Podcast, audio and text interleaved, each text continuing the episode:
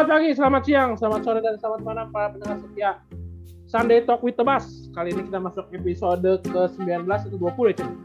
Yoi, kaget gue tadi lu teriak-teriak tiba-tiba anjing. Asli. Gue malah kan nungguin, nungguin disuruh nih, nungguin disuruh opening. Langsung diambil mabuk. Tentang lagi makan dia marah-marah. Episode berapa sih? Kita 19 kayaknya. Eh, berapa ya? Aku yang naikin. 20 deh, 20 kali. Enggak, lima satu lima satu kali Gila, Anjing, gila. 51 bangke. 2367. iya keren Podcast mas saya kalah anjing. Si Edwin, si Edwin kayaknya nggak tahu anjing podcast mas. Edwin lu tahu emang podcast mas? Tahu Tahu lah anjing. Oh, Si tahu. Siapa? Gue kira lu nggak Udah, 19 Ada bener waktu 19 bu. itu masuk ke podcastnya si Dedi anjing. Oh iya, iya. Siapa sih itu? Isinya ketiga lupa gua. Hmm, kan nggak tahu dia.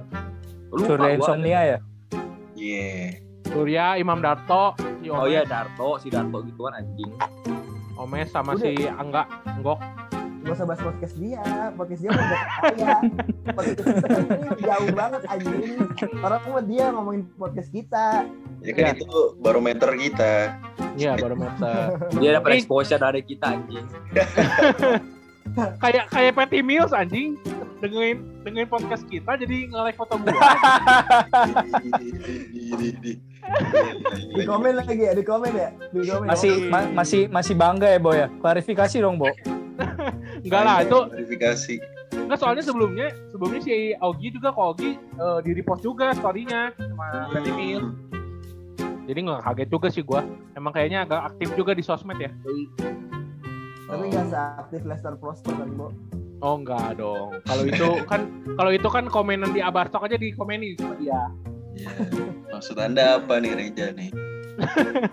Ya, ini gue cuma mau komen aja, Ceng. Oh, Oh. Jadi jadi hari ini kita mau bahas yang lebih terstruktur, tidak ke mana-mana karena eh, sebenarnya bahasanya bahasan orang awam ya. Siapa yang cocok jadi MVP? Tapi menurut gue sangat menarik ya musim ini karena eh, seperti biasa eh, musimnya tidak tidak senormal biasanya juga. Jadi mungkin eh, ada fakta-fakta lain yang bisa membuat ada kejutan di MVP tahun ini. iya, benar-benar. Hmm. Ini kita eh, sebelum masuk ke topik nggak ada mau ngucapin gong si Facoy atau apa gitu, Bo. Oh enggak, kan Oh enggak. kan Anda nggak ngerayain kan? kan ceritanya gue mau toleransi ceritanya. Oh. jadi, jadi jangan ngucapin ya Ya, gue Enggak, enggak, tapi tapi gue pengen nanya nih ke Alex sama Edwin yang ngerayain. Gimana angpau? Pasti nggak ada yang ngirim ya? ya Ada transfer. gua gua sih yang transfer Oh gaya anjing, lo kan belum Ya. nikah bangsat. Iya, tapi kalau kalau Imlek itu harus udah nikah dulu ya baru boleh ngasih angpau ya. Kalau Benar, nggak sih, Kak. Wir. tergantung tergantung. Nah kalau yang kan gue kerja di sini, gue tanya orang Taiwan. Misalnya gue bilang ke gue kalau di Indonesia kalau belum merit nggak boleh ngasih, gue bilang gitu kan. Kalau mereka kalau mereka dia bilang yang penting udah kerja udah boleh ngasih katanya gitu. Oh, sistemnya kalau gitu berarti mereka pakai sistem lebaran, Queen. Hmm. Beda-beda lah ya kali ya. Tiap ini. Iya iya iya. Kayaknya kalau gua mah kalau gua ngasihnya paling ke ini aja ke pegawai gitu-gitu. Kalau misalnya ke saudara-saudara mah enggak lah ngapain, gua juga butuh anjing. Realistis aja. cari ya bu anjing. Kan eh, gua kan kaya banget dong kalau gua ngasih saudara nih buat kamu 150 ribu. kaya banget gua tuh kan. buat ponakan-ponakan lo semua gitu ya Mm-mm, kalau pegawai kan enak gitu kan ngasih 30 ribu juga seneng gitu kan. Makasih, kok. Beliin aja, langsung beliin aja bu. Nih nasi bungkus dapat lu biar lu nggak beli yang lain anjing. Lu pasti jadi tuh. Lagi pada ini, Bu. Pada ngi apa? Ngirimin QR code mereka ke story atau ke Oh. WhatsApp gitu. gitu. Ya Ceng, mau ceng, mending mending ceng dijadi rokok ceng untuk nggak dijadi modal capsa udah bagus ceng. Itu lu kali tuh. Jadi udah kita masuk ke topik lah. Kita eh, istilahnya apa ya? Membedah lah. Ini Alek udah sangat baik ngasih ngasih kita statistik nih di grup Yes. grup WhatsApp. Ya, sebenarnya Gila, sebenarnya gila, ini eh, statistiknya kan ngambil dari NBA juga ya. Enggak, Iya. emang ini Alex emang riset sendiri. Dia datang ke Gue ada satu pertanyaan like buat lu like. Apa tuh? apa tuh kenapa yang lu dibikin kan lu kan bikin kolom kan bikin satu dua tiga empat lima enam kan Iya. kenapa nom- nomor satu sama nomor dua nya ada perbedaan gitu oleh itu menunjukkan ke- ketimpangan atau atau emang Oh, kasih tahu, Tapi kasih tahu. Yang pertama, kalau kalau menurut lo kayak gitu, ya bisa juga sih. Ibaratnya yang pertama kan LeBron nih ya. nggak kan lu yang bikin gua mau nanya lu Enggak sih kalau soal kalau soal kolomnya ada perbedaan itu itu bukan perbedaan level win. oh iya iya Itu itu di sebelah kanannya kan LeBron ada MVP tuh empat kali kan. Iya. oh, Masih oke. space gitu loh. Lu, lu baca dong yang kanannya gue udah bikin capek-capek juga. Oh, iya iya iya iya. Lu lu nggak memahami berarti Win, lu cuma melihat kolomnya eh selisih berapa padahal di kanannya ada statistiknya itu. miss gua Bener. miss gua sorry sorry gua miss ya Hmm. Dia, ini dia, anaknya antara beda-bedain kasta sih. Lebron sentris, gimana Lebron seksual. oh iya gila baru lagi tuh Baru lagi LeBron sentris ya. Yoi. ceng Ini dari total ada 13 nama. 13 nama yang pernah MVP ada 1 2 3 5 orang, eh 4 orang ya, udah pernah jadi Empat MVP ya. Ya. Empat Orang udah pernah jadi MVP, LeBron 4 kali, Giannis 2 kali, Curry sekali. Kuri dua kali ya. Guri dua kali dong Oh, Gi- Giannis ganti nama jadi Gianni sekarang. Hmm. Giannis 2 kali, dia dia dia tuh ngikutin kali. pronunciation Inggris yang bener, Bo. Oh. Jerapah kan giraffe. Iya iya iya iya. iya, iya. Jiwa. Make sense. Giannis dia ngomongnya Giannis. Make sense.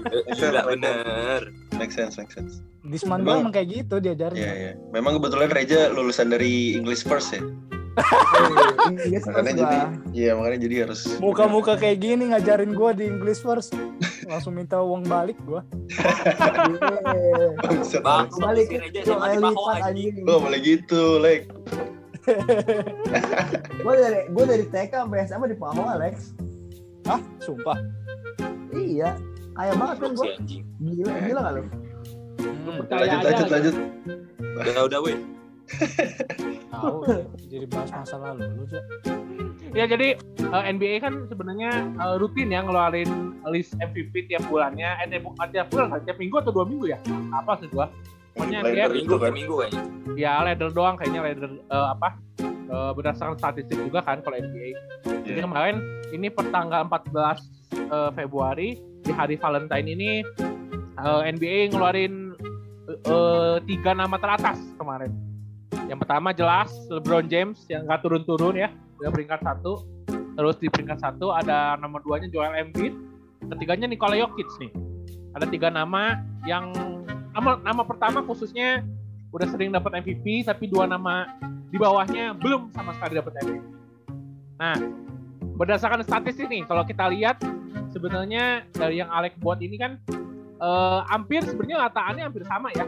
Cuma lebih menonjol sih menurut gue Nikola Jokic ya kalau misalnya dari tiga eh, tiga apa tiga indikator mungkin ya poin per game, rebound per game sama assist per game. Nah, gue pengen nanya satu-satu nih dari lu pada nih ya. Dari tiga nama ini deh, kalau tanpa melihat statistik, lu prefer siapa dari tiga nama ini dulu? Mungkin dari Edwin dulu kali. Yang pasti LeBron kayaknya kalau Edwin kan. Iya, kayak. Gue sih tanya kayaknya ya. kalau kalau gua LeBron akan mendapatkan MVP kelima Kan? dalam karir dia kan ram- nih gua, ya, gua kasih tahu kenapa karena mungkin statistiknya kan lebih rendah nih dari musim lalu lah lu bisa lu bisa ngomong dari musim lalu kan lepas turun kan dia statistiknya statistiknya kan Ya. Eh, tapi kalau lu lihat dia gamenya dia nggak angkat Lakers bro lu lu kalau lihat ber- ber- berapa game terakhir sih empat game terakhir ya yang dia overtime double overtime overtime overtime lagi kan Nah itu kan itu kan karena dia kan apa bisa comeback, bisa clutch shot juga, clutch shot juga Iya, dia kan, kuat banget dia kemarin. iya kan. Nah pas nggak ada Anthony Davisnya lagi, nah menurut gua nggak ada Anthony Davis nih dis- blessing in disguise juga buat dia buat apa MVP leadernya kan. Soalnya dia dia makin nonjol dong, pasti dia makin nonjol.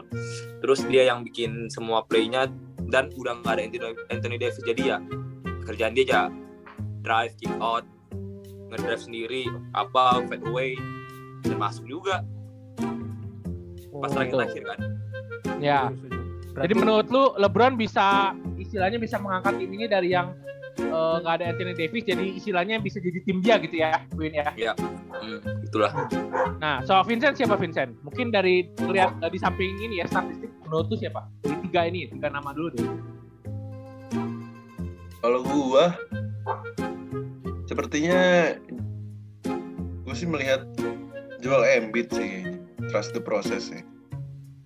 Karena melihat dari performa 76ers ya di musim ini meningkat banget kalau gue ngelihat. Maksudnya walaupun gaya permainan dia nggak gue kurang-kurang yang demen banget gitu. Cuman ngelihat dari dia eh, di reboundnya di offense-nya juga oke dari statistiknya ya dia inilah maksudnya berkontribusi banyak tapi kalau misalkan untuk untuk tanpa ngelihat statistik yang lu bilang tadi dia eh, benar-benar the process sih kalau gue ngeliat banyak hal yang dia dia lakuin dalam tim itu sih jadi menurut gue harusnya kalau dari tiga itu sebenarnya susah sih kalau gue ngeliat si Jokic juga bagus, LeBron James juga gila beberapa game terakhir. Jadi ya agak susah juga sebenarnya kalau gue. Cuman gue lebih ke Embiid. Kalau Cuma gue liat Embiid tahun ini kayak lebih dewasa nggak sih? Iya Udah lebih kayak wise. kurang trash talk. Iya, kayak itu, udah itu, itu. ini lebih tenang lah ibaratnya. Iya mungkin dia lebih sadar kayaknya lah.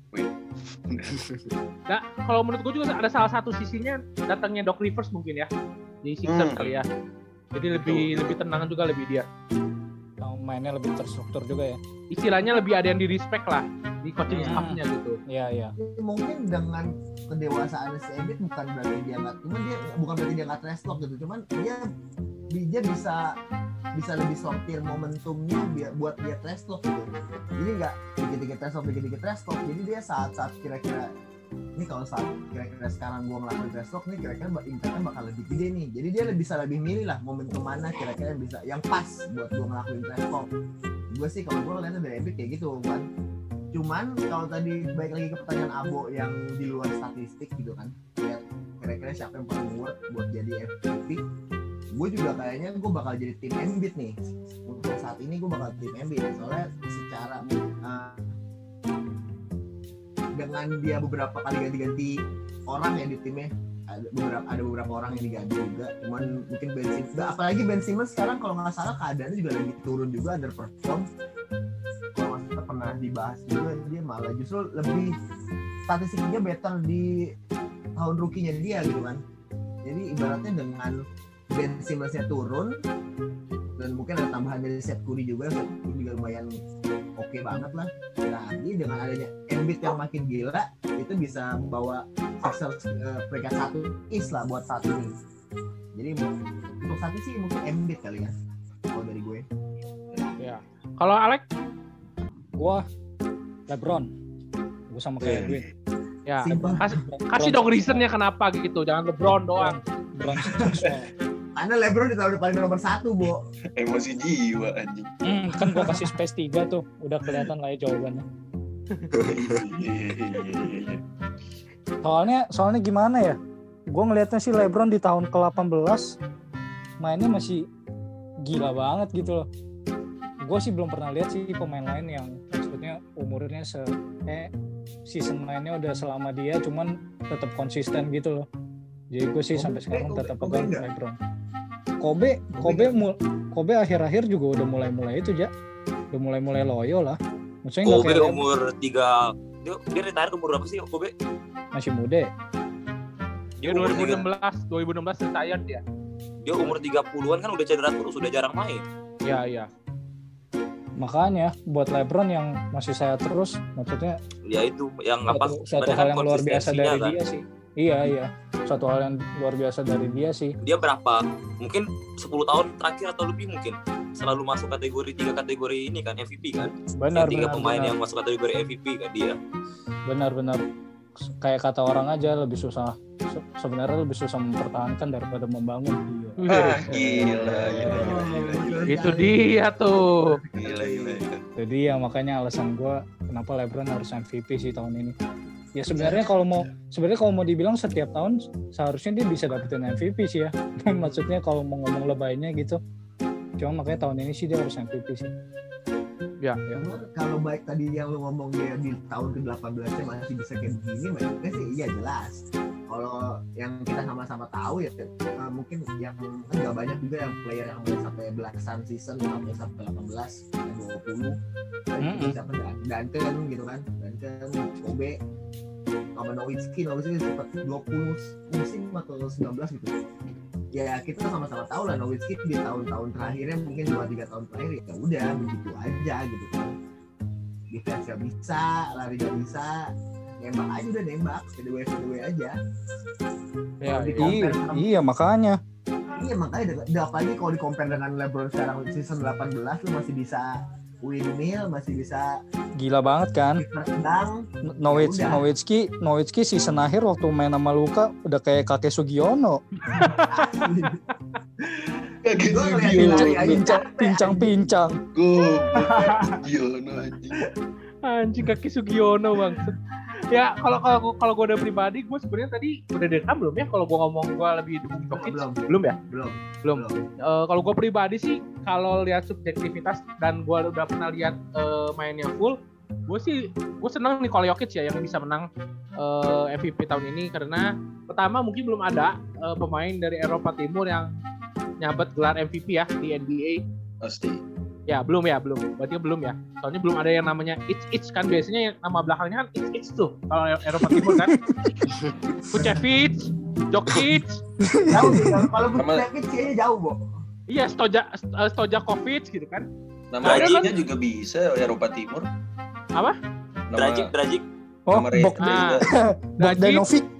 Bogdanovic gitu kan belum ada kan yang juara kayak gitu kan nama-namanya kan. Nah, gua gua pribadi sih gua ini MVP ber- berdasarkan nama belakang anjing. enggak maksudnya gua gua gua seneng gua seneng kalau ada MVP yang main di uh, MVP dari Eropa Timur gitu. Kita kita hentiin lah dominasi orang-orang Amerika gitu kan. Giannis kan udah menghentikannya dua tahun berturut-turut tuh. Sebagai sebagai orang Yunani gitu kan. Gue pengen ada orang Eropa Timur yang bisa istilahnya sh- shine lah di NBA gitu. Dan menurut Jokic itu musim ini menurut gua blessing in disguise juga sih menurut gua ya. James Harden pindah ke Brooklyn Nets jadi istilahnya porsi poin per gamenya menurun jauh tuh terus ada Russell Westbrook yang nggak tahu salah pindah tim atau gimana.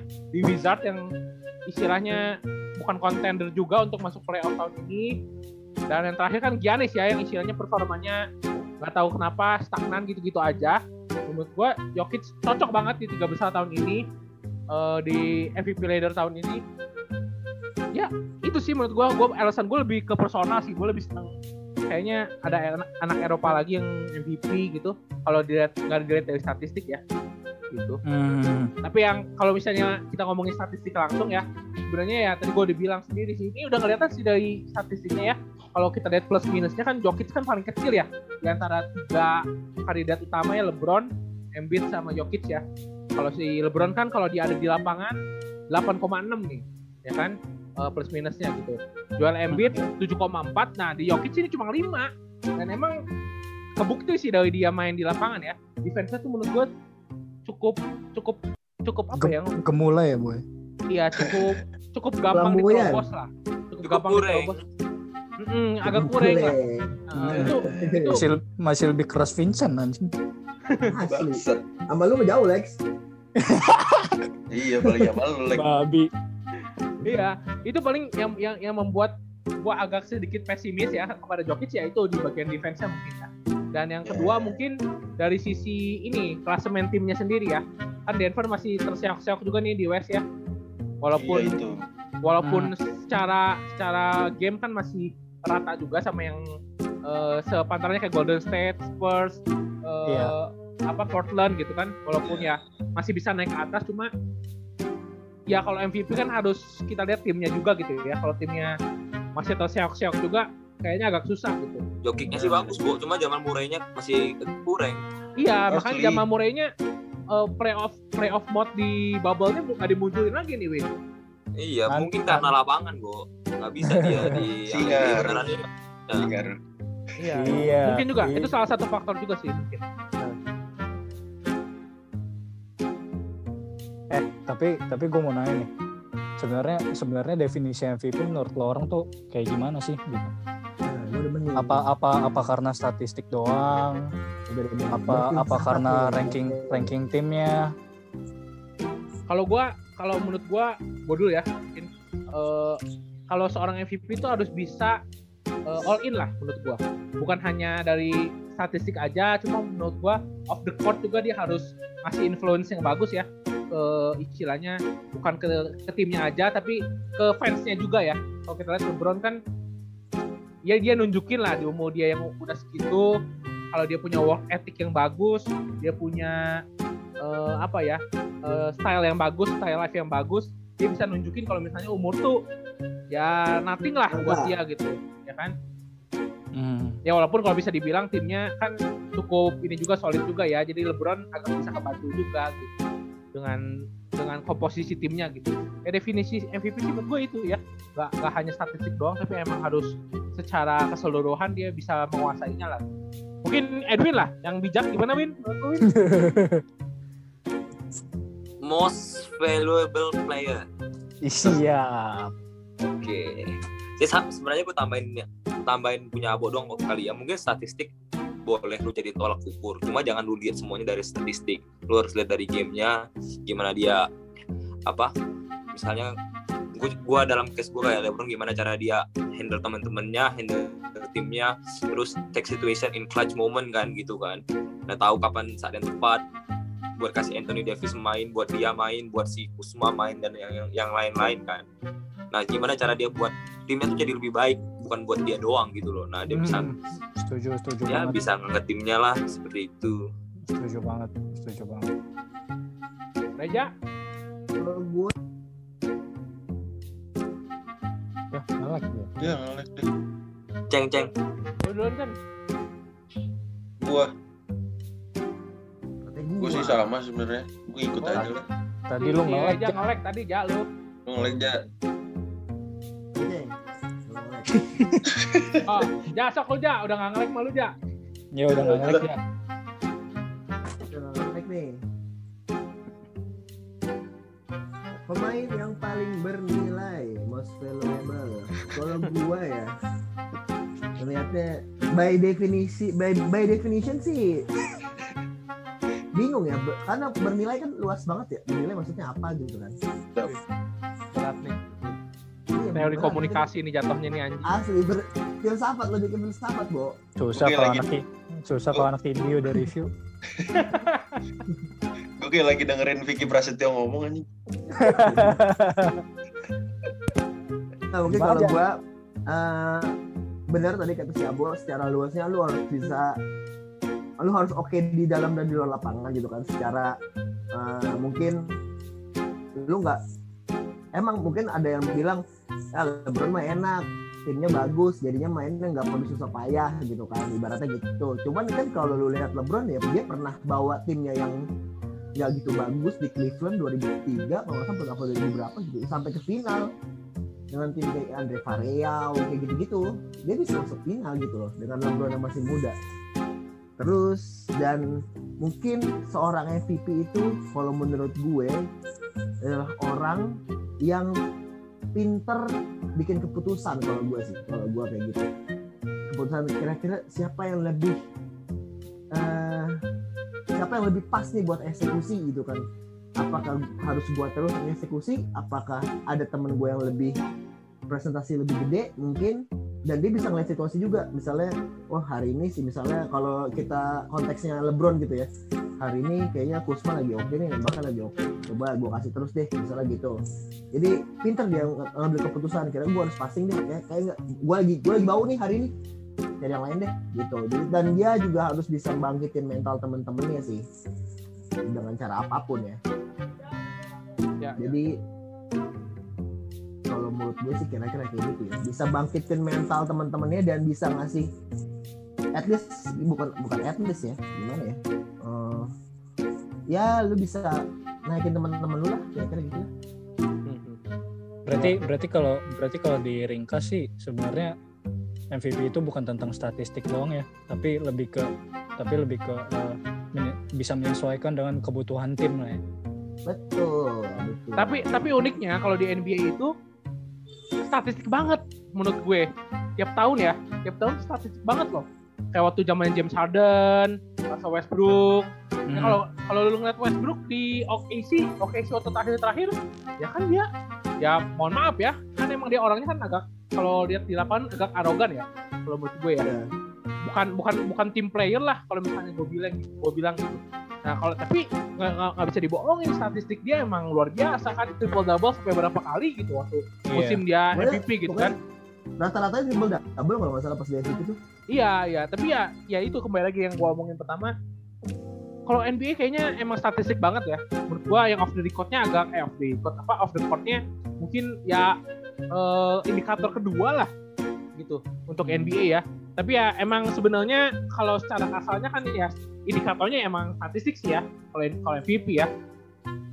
soalnya soalnya lebih ke penilaian individu gitu ya boy Iya, iya, iya. Jadi wajar aja kalau misalnya yang triple double terus ya bisa dimasukin ke Iya. nominasi MVP sih kayak zamannya uh, Harden, Yanis, terus uh, Westbrook gitu kan. Ah, ya wajar aja gitu walaupun ya kalau kita ngomongin aspek uh, of, of the court kurang oke gitu, tetap aja mereka bisa bisa menang gitu. Tapi mungkin kalau MVP sih boy ya. Mungkin statistik bisa jadi nomor satu. Lain ceritanya kalau defensive player of the year kali ya. Lah, udah lu ngomong Gue Dia masih lanjut. gue gue cuma umpan doang anjing. Ya ini ini lagi ngomong lagi ngomongin defensive player of the year ini lagi ngomongin MVP. Iya, mak ini gue lagi kasih intermezzo ceritanya, Bo. Makanya gue bingung mau nanggepinnya. belum belajar.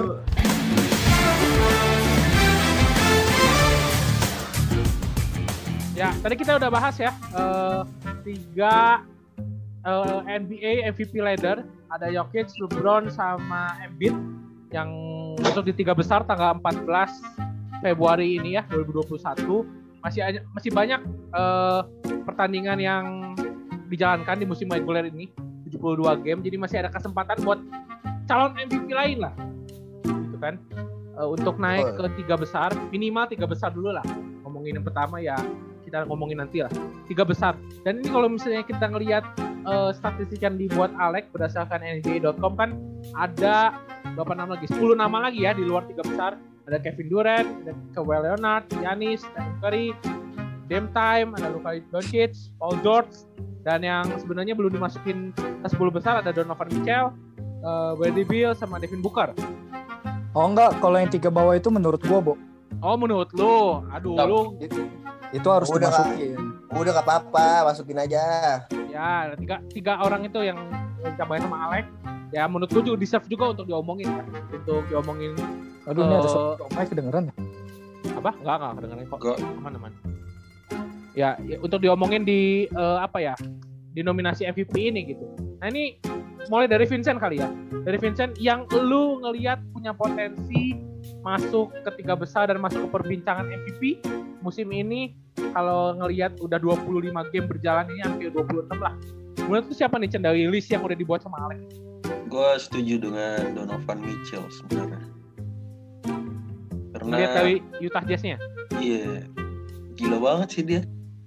Main di Setuju. kandang, kandang berapa kali nggak pernah kalah juga beberapa game ini dan game dari Utah Jazz tuh gue sempet nonton dia benar-benar share the ball sih maksudnya nggak ada Iya, yang benar. individualistis banget Bener. kalau Jis kayaknya benar-benar gara-gara ininya deh ya ininya ya apa sistemnya timnya nggak egois gitu ya Iya, benar-benar benar. Tapi ya, ya dari statistik kalau misalnya lihat statistik lagi si Donovan Mitchell juga eh, cukup impresif sih dengan 24 average-nya 24 terus eh, asisnya juga 5 ya menurut gue dia pantas dimasuk dalam deretan list MVP ini sih kalau gue melihat Apalagi kebantu sama sekarang Jazz-nya dengan rekor terbaik ya Chen ya di West ya. ya ya walaupun ya mereka bermain dengan tim sih itu sih. Mm-mm. cuman ya Kayak, kayaknya malah rekor terbaik di NBA sekarang season ini ya. So far, so far ya. So far Iya emang Yes. dibanding East dibanding East juga rekor dia kayaknya paling bagus ya Jazz itu ya, sekarang. Ya lu is sekarang de- kalau misalnya Spurs sama Portland ada di sebelah kanan, mereka tuh masuk empat besar. Portland sama Spurs tuh di kanan kalau masuk ke East. Jadi kalau East kayaknya agak berat juga kalau ngomongin rekor ya. Benar-benar. benar. Cuman ya, ya, ya sekali lagi kan ini kan MVP kan gelar perseorangan ya bukan tim ya. Mak. Jadi kalau ya agak susah juga sih kalau Donovan Mitchell. Sebenarnya gue juga antara Bradley Bradley Beal juga bisa sebenarnya. Cuman ya begitu. Maksud gue timnya nggak nggak nggak well banget gitu loh. Maksudnya yang lain nggak terlalu mendukung banget. Walaupun dia average-nya 32 itu gokil sih menurut gue. Lebih dari LeBron James juga kan. Untuk Banyak. Iya, cuman dia nggak dapat ininya, Ceng. Dia nggak dapat aspek bawa timnya. Iya Nggak dapat aspek itunya. itu dia itu dia tapi ya bisa untuk dipertimbangkan Perhitungkan bisa, cuman kur kurang aja kurang, kurang Iya. lengkap lah, kurang lengkap lah. iya kalau gue itu sih Kalau bahas di bawah tiga besar tadi ya, ada beberapa nama yang pernah MVP gitu kayak Curry, Giannis sama si Duran gitu kan. Kalau gue ya, kalau gue sendiri sih mungkin kalau ini kita gue masih keluar dari statistik dulu belum dari masuk statistik. Gue masih untuk saat ini walaupun gue Mavericks banget, cuman gue untuk saat ini gue megang Curry gue. Untuk saat ini gue megang Stephen Curry dengan Curry. Stephen Curry benar. Dia kan ah kalau nggak salah dia cedera juga ya, ya kan sih yang musim kemarin kan. ya cedera-cedera eh, inilah dia cuma tangan doang Curry Ya itu. terus terus dengan sekarang Clay-nya juga lagi cedera kan, ibaratnya timnya nggak lengkap. Habis ditinggalin Kevin Durant juga. Ternyata dengan bisa dibilang ya mungkin kalau gue dalam tanda kutip dia ba- bawa timnya sendirian lah ibaratnya gitu kan. Ternyata masih bisa nih Golden State masih bisa masih bisa inilah masih bisa bersaing Compete. lah dengan Compete ya. dia bisa compete bener. Di peringkat 8 lah di barat maksudnya masih ya musim juga masih panjang gitu kan. Terus rataan dia juga gokil juga nih hampir 30 poin per game gitu kan. Dan field goalnya juga oke nih 49% gitu kan. Lo bisa 30 poin per game dengan field goal yang lim- hampir 50% itu menurut gua ya yang sesuatu yang nggak biasa ya. Beda beda sama Doncic sama si Lillard. Bener Doncic sama Lillard 29 poin per game. Cuman field goalnya jauh banget. Cuman 20% ibaratnya dia attemptnya kebanyakan gitu. Apa emang timnya juga kurang kurang support jadinya dia mulu yang yang attempt. Mana ya presentasinya jelek presentasinya kan. Beda sama si Curry ini makanya gue ngelihat kalau based on statistik gitu kayak dengan rataan segitu dan field goalnya juga oke apalagi dia versi pemain luar ya shooting guard gitu apalagi beberapa game terakhir dia shootingnya gila-gilaan buat gua dia layak lah buat compete di tiga besar Oke, Reja Stephen Curry. Kalau Edwin dulu, Edwin dulu baru Alex. Edwin, Apa? Apa? menurut lu siapa nih dari, dari di luar tiga nama yang menurut lu bisa istilahnya masuklah ke jajaran eh, tiga besar dulu deh gitu.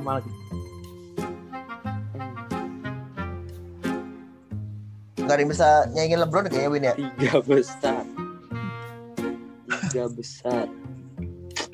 Lebron Lebron Lebron Siapa ya? Iya. Tadi LeBron yang juara siapa aja sih? Vincent sama Reja baru gua doang Apa? Vincent. Apa? Mereka mereka apa? Vi- Vincent eh, ini Donovan Mitchell, Reja Stephen Curry. Hmm. lu mau Westbrook ya Feeling gue, gue sih maunya Kuri juga, Kuri. Cuma gue, gue lagi mencari yang lain. gitu banget lu kayaknya nggak mau banget Curry sama LeBron lagi anjir anti mainstream Tapi Kuri belakangan belakangan ini tiba-tiba meledak anjing. Berapa kali 3 poin, 40, 40 poin, berapa puluh poin anjing, 7, iya 7 3 poin, 10 3 poin, bangsat. iya kayaknya dia dengerin kayaknya dia dengerin episode tebas kita yang itu Win yang ada ngomongin dia bisa nggak ya carry GSW iya iya. Gua- terus gua habis itu benar-benar itu. habis episode itu dia mainnya gila banget gitu. Pasti sih dengerin sih. Kayak pasti dengerin sih. Ya kayaknya. Masa enggak ya? Emang market kita emang pemain NBA kan? Market Iya. kita. Iya iya iya. Siapa ya? Bo, lu dulu, Bo. Gue lagi mikir.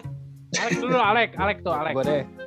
Kalau gue sih gue sih tadi pengennya Curry juga ya. Cuman cuma mungkin bisa eh, kandidat lainnya sih untuk masuk ke tiga besar bisa juga Kevin Durant sih dengan maksudnya dengan cederanya dia dia kan sempat cedera lumayan lama lumayan parah juga ya Tapi kalau statistiknya dibandingin sama MVP season dia waktu tahun 2013-2014 itu maksudnya statistiknya nggak beda jauh. Secara dari poin per game aja cuman kurang tiga poin, tapi rebound sama assistnya masih sama gitu loh. Jadi menurut gue sih untuk Kevin Durant ya bisa lah untuk compete di tiga besar. KD ya. Mm-mm. Hmm. Ya kalau gue pribadi gue juga sebenarnya sama kayak Alek ya.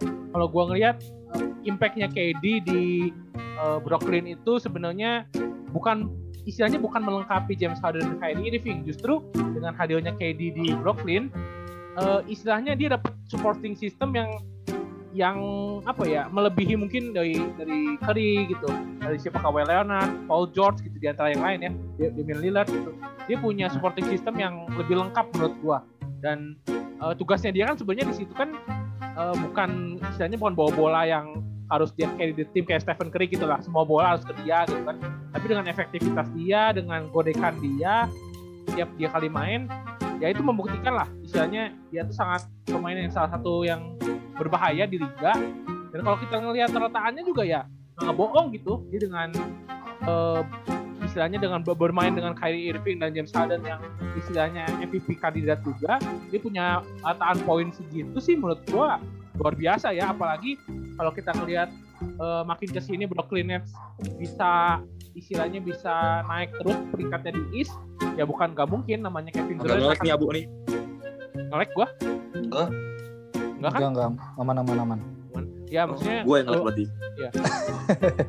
bukan tidak mungkin gitu masuk masuk dalam apa masuk dalam obrolan jajaran tiga besar lah gitu, Durant. Setuju setuju banget. ya apalagi kalau kita lihat ya kemarin beberapa game gak ada Kevin Durant uh, Brooklyn Nets kayaknya cukup struggle Kontak, juga kontak panting juga ya boy. kontak panting juga mereka mereka tahu mereka nggak punya size di timnya mereka butuh Kevin Durant yang bisa at least bisa kasih dia protect di paint lah walaupun ya Hmm. tidak sedominan yang lain ya tidak sedominan mungkin Embiid atau mungkin kalau ngomongin yang gede-gede mungkin siapa lah Hmm, yang bisa- Sia secara secara posisi aja udah beda sih ya boy ya. Ya, tapi at least dia dengan hadirnya Kevin Durant di Brooklyn, dia bisa ngasih defense yang lebih juga di buat Brooklyn. Ya, dengan Setuju. kehilangan Jared Allen, dengan kehilangan siapa lagi lah, hampir banyak pemain Tauran Prince gitu kan, banyak yang hilang gitu di sisi defense-nya Nets. Dan salah satu opsinya mungkin ya Kevin Durant di di Nets ya. Selain offense, defense juga dia sangat berkontribusi menurut gua. Makanya eh, kalau ngomongin calon kandidat masuk tiga besar ya Kevin Durant sih.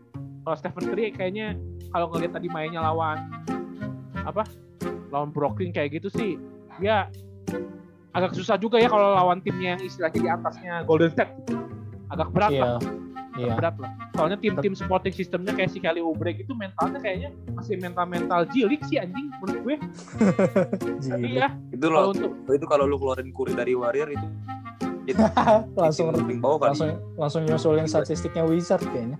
Iya, makanya agak berat lah kalau Stephen Curry kalau menurut gua ya untuk untuk masuk tiga besar inilah. Gitu. Win, lu siapa Win? Curry era gue Curry. Enak. Emang udah ya? cuman itu-itu doang sih ya Win ya. Kok soalnya kalau nggak ada Curry tuh tim Warrior jadi sampah anjing. Iya sih, ya juga sih impactnya emang gila banget sih itu orang. Apakah bukan Mavericks gua kalau nggak ada Doncic anjir? Ya lu ada Doncic ada Doncic aja kalah mulu. Makanya Iya, anjing. ada dia? Awalnya awalnya kalau secara statistik doang aja ya. Gua ngelihat Doncic sih, wah gila bener nih orang statistiknya. Tapi sekali lihat field goal percentage-nya, buset kayak lempar lembing ja. Iya, 21,2 persen. Makanya. Nah, gua gua, gua gak sukanya gua gak sukanya sama Doncic itu dia ketularan LeBron kayaknya. Kebanyakan protes ke wasit males gua kalau nonton dia itu sebenarnya. Iya benar. Dikit-dikit emang dia lebih ke tipikal ini, Bo. Jadi kalau body contact tuh badan dia maju-majuin badan gitu, nyari falling gitu. Ya, ya. Tipikal main gitu. Nah, Eh, tapi lu merasa gak nih di tahun ini kayaknya nama-nama yang biasanya masuk ke nominasi MVP modelan Kawhi Leonard, Paul George yang dulu masuk tiga nominasi teratas gitu. Bahkan Yanis aja sendiri kayaknya gak ada yang ngomongin maksudnya oh ini calon nih calon itu kayaknya gak ada ya. Kalau Andre itu gimana nih? Tapi aja gua ngedengerin kayak Janis gitu-gitu. Yang gue bingung yang gue bingung sih ya musim ini kenapa Paul George sama Kawhi Leonard benar-benar nggak kedengaran sama sekali ya Hmm. Iya, makanya gue juga bingung sih. Padahal secara secara statistik dan eh, timnya juga kan bagus ya. Iya, dan rekornya pun mungkin tiga besar. Clippers itu masuk tiga besar loh di NBA Power Rankings. Hmm. Iya. Iya. Mungkin dari sisi fans Clippers tuh, Chen, mungkin lu merasa ada penurunan. Sama Eh, kayak yang yang gue bilang kemarin sih, yang di awal-awal kenapa si siapa tuh yang di minggu lalu pokoknya gue bilang karena yang mereka cara main mereka udah beda banget menurut gue.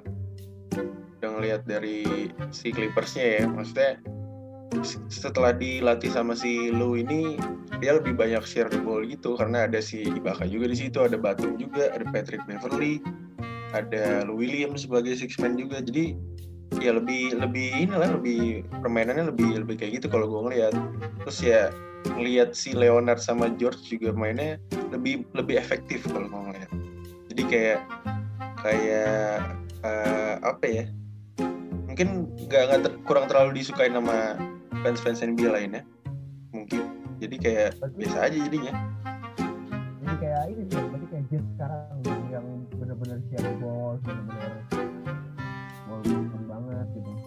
apa Lu mendem, Jak, suara lu, Jak. Halo. Ya, ya. Iya berarti kalau si Vincent bilang begitu, berarti keadaan Clippers keadaannya mirip-mirip kayak Jazz gitu kan.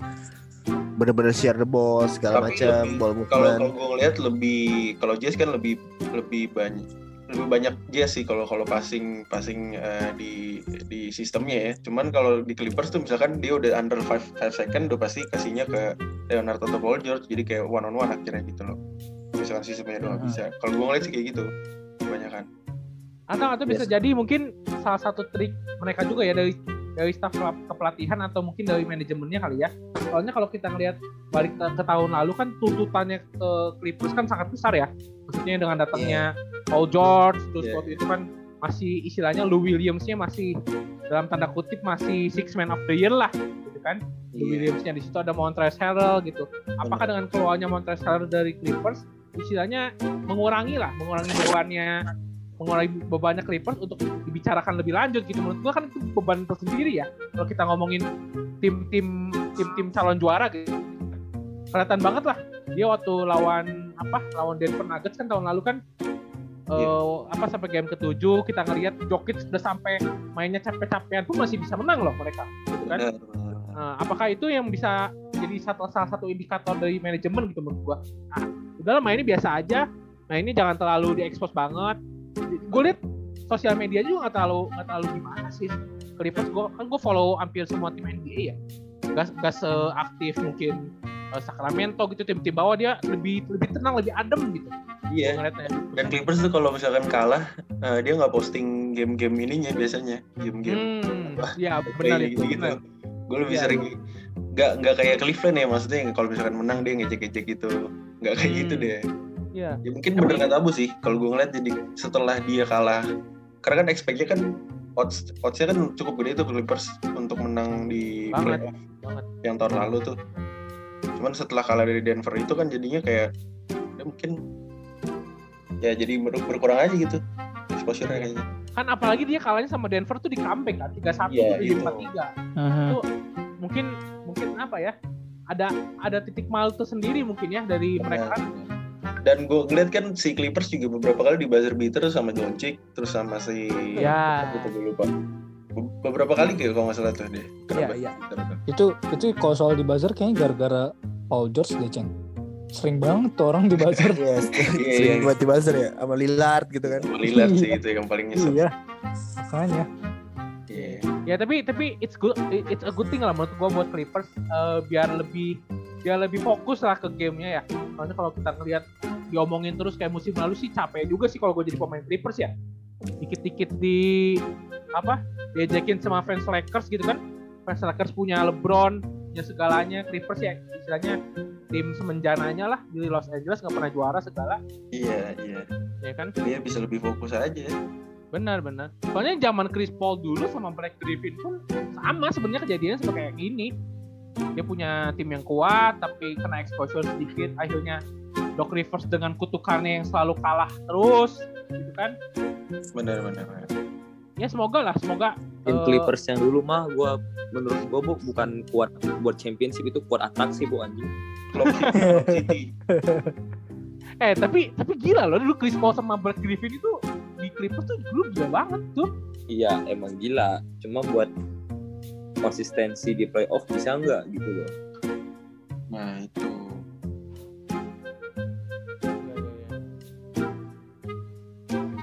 Yuk, ya pot. Siapa lagi? Siapa lagi ya? Doncic. Gue males bahas Doncic. Jelek banget Ngomong apa sih lu anjing? statistik, banget. Halo, Ya, Apalah. ya, ya. siapa lagi nih? Siapa lagi nih? ya udah sih kalau menurut gua segitu aja ya mungkin ngomongin MVP apalagi gitu Mhm.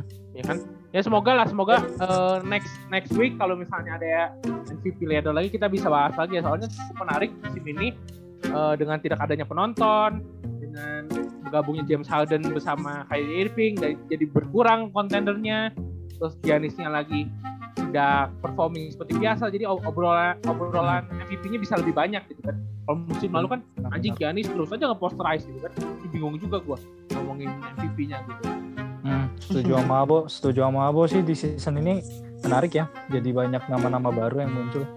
nama-nama baru ya dan gue juga pengennya sebenarnya nama-nama baru yang menang Hmm. bukannya bukan LeBron lagi bukan Kevin Durant lagi bukan Sebenarnya- bosen. Sebenarnya- lagi gitu Sebenarnya season lalu gue pengen banget Doncic yang menang season lalu. Nah, cuma kan kalah deh, kalah Iya, tadinya. iya. Kalau season ini sorry deh. Skip. Ya, skip gue juga skip deh musim ini. Ya. Ya udah, segitu aja mungkin ya. Eh, uh, Jalu ada quote gak? Tadi ini gak dulu skip dulu. Oh, ya udah. Terima kasih semua yang udah dengerin ya. Sampai ketemu minggu depan. Bye. Uh, bye. Kita obrolin yang lain lah. Oke, okay? bye. Bye semuanya. Bye.